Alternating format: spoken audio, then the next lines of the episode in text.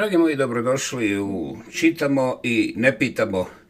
Ovo je naša prva knjiga koja je vrlo dobro 50-godišnjak i mi smo jučera, znači 17. novembra 2020. godine napravili prvi članak i taj prvi članak je imao naslov umjesto uvoda stil najviše načelo palanke. Knjiga koju čitamo je Filozofija Palanke od velikog Radomira Konstantinovića u izdanju Otkrovenja Beograd 2004. godine. Danas čitamo članak broj 2 i to je, vjerovali ili ne, ideal čistog siromaštva. Naravno, svi komentari su sasvim ad hoc i potpuno ekstenzivni. Čitamo original. Dakle, ideal čistog siromaštva. Oni su prljavi, palančanin je čist.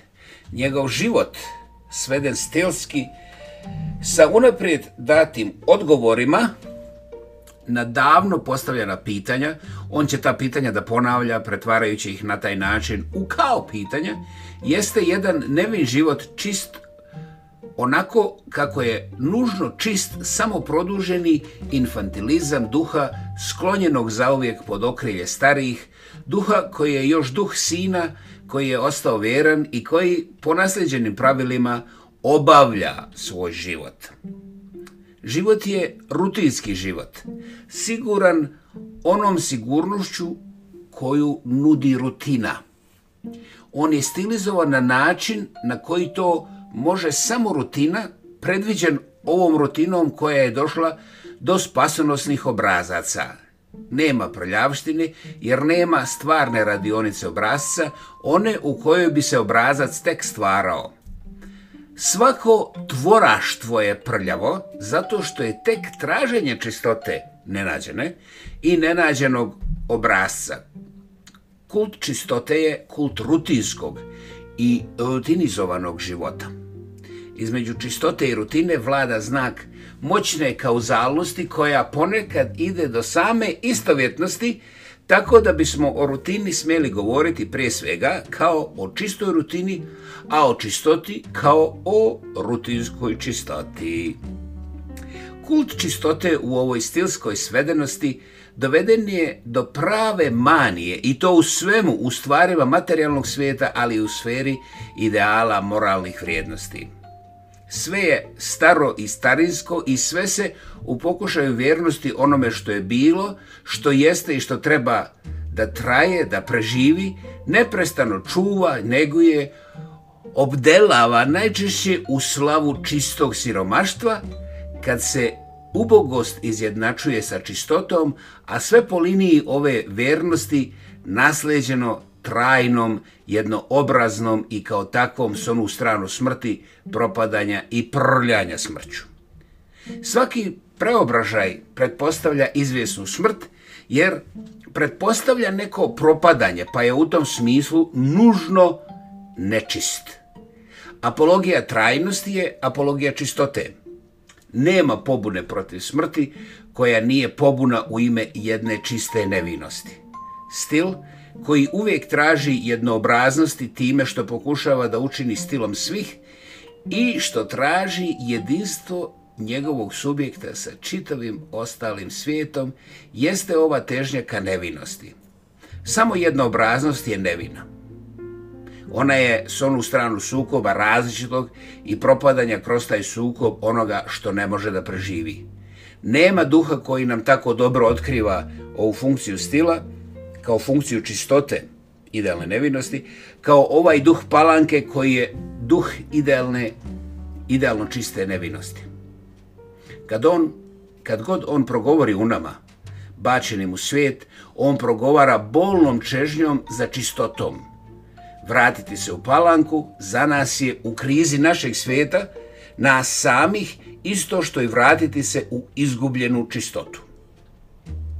U projekciji ove čežnje za palankom, duh palanke ukazuje se kao duh anđelske čistote i mira u njoj i ne oličava se slučajno kao duh anđela čistog spokojstva koji se nikad i nipošto ne bi mogao nazvati zlatoustim. On je toliko spokojan da ne govori, da nema čak ni nagon govora. Ova njegova negovoreća čistota spaljuje duh i čini savjest rđavom savješću prljavih. Ona je od materije prljavosti, od materije smrti. Čak i mi, umjesto da lebdimo u čistoti kao ovaj idealan duh, a ne samo da ga sa čežnjom dozivamo, i mi smo prljavi i jezik je prljav, ali ne samo zato što nikad ne može da kaže, da ponovi ovu nevinost, već što je duboko prožet smrću. Govor je neprestano preobražavanje onoga ko govori i onoga o čemu se govori. Govor je pokret i proces sistemom nepristanog prihvatanja i odbacivanja. Stvari se rađaju u govoru zato što u njemu umiru. Govor nikad nije idealno čuvaran onako kako je to rječnik. Jezik nije rječnik, pa nije čak ni moguća željena vjernost rječniku. Govori iskušavanje i izneveravanje rečnika kao apsolutna statičkog svijeta riječi koji, koje jesu riječi jer su zaverene trajnosti, ali koje govor prihvata upravo zato što mu je potrebno ono što traje, što se mijenja na njegovim putevima koji su putevi preobražavanja kao traženja samoga bića. Čak i pokušaj vjernosti riječniku, idealnoj statičnosti trajnog koja kao da u njemu pokušava da se otelotvori, jeste njegovo izneveravanje padom riječi u rečenicu u njen kovidlac. Rečenica preobražava, pa tako i prlja riječ. Ona je prljanje idealne nevinosti spokojnih riječi, otrgnutih iz spokojstva riječnika. Svet Palanke viđen u ovoj svjetlosti osnovne svoje težnje, koja je težnja ka trajenju, pokušava se vratiti iz rečenice u riječ, izgovora u riječnik, u stvari da čuti onako kao što je govor riječnika izvor rečenice govor čutanja. Idealno, on je svijet čistog čutanja, svijet voljno prihvaćenog siromaštva na koje poziva čutanje i koji poziva ono u odbijanju rečenice koja jedino zna za bogatstvo zato što zna za umiranje, za smrt kao za ovakvu prljavu smrt nema saglasja između čistote i bogatstva, jer nema saglasja između čistote i smrti. Tamo gdje bogatstvo, gdje je bogatstvo, uvijek je smrt, jer je uvijek rasipanje obilja, njegovo neprestano obnavljanje. Uplašen od obnove, duh palanke užasnut je od bogatstva. Uplašen od obnove duh palanke užasnut je od bogatstva. On će reći ponekad u svojim iskušenjima, u svojim krizama i riječ o svojoj ubogosti. On će, se, on će čak i da se požali na nju, ali njegovom jadanju na sobstvenu ubogost ne treba povjerovati. On hoće tu ubogost, i on mora da je hoće onako kako hoće jednoobraznost, stilski u savršenu rutinu čije savršenstvo isključivo je u njegovoj jednostavnosti, krajnjoj svedenosti na ono najneophodnije, osnovno.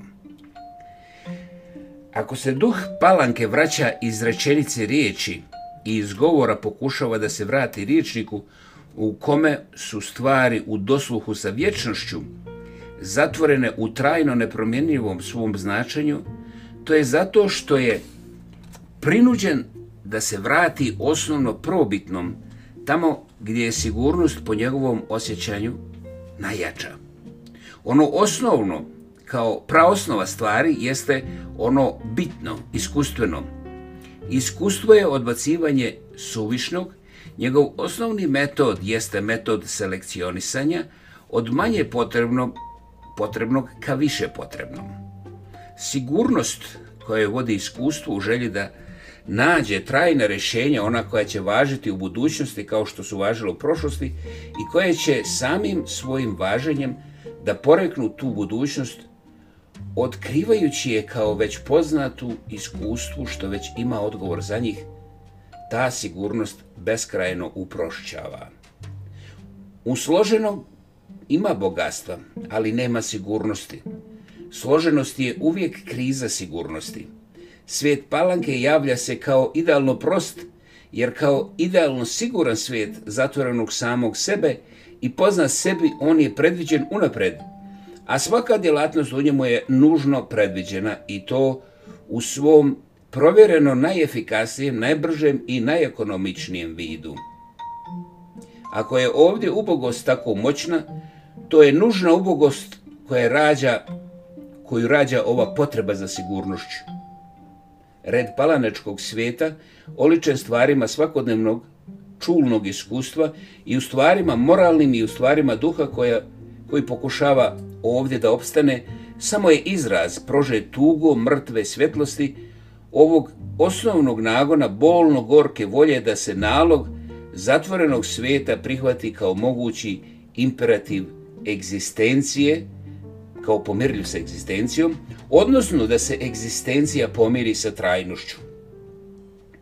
Ruka koja pomno sređuje ovaj sređeni svijet kao u nekakvom neprestanom ratu sa mogućim neredom, sa bogatstvom haosa koji vreba iz svijeta, jeste uvijek ruka palanačkog duha jednoobraznosti koji ne priznaje vrijeme i koji u tom nepriznavanju s gorkim ponosom prihvata istovremeno i udes siromaštva i udes anarhičnosti, jer u njima ne vidi udes već jamstvo i znak svoje prednosti.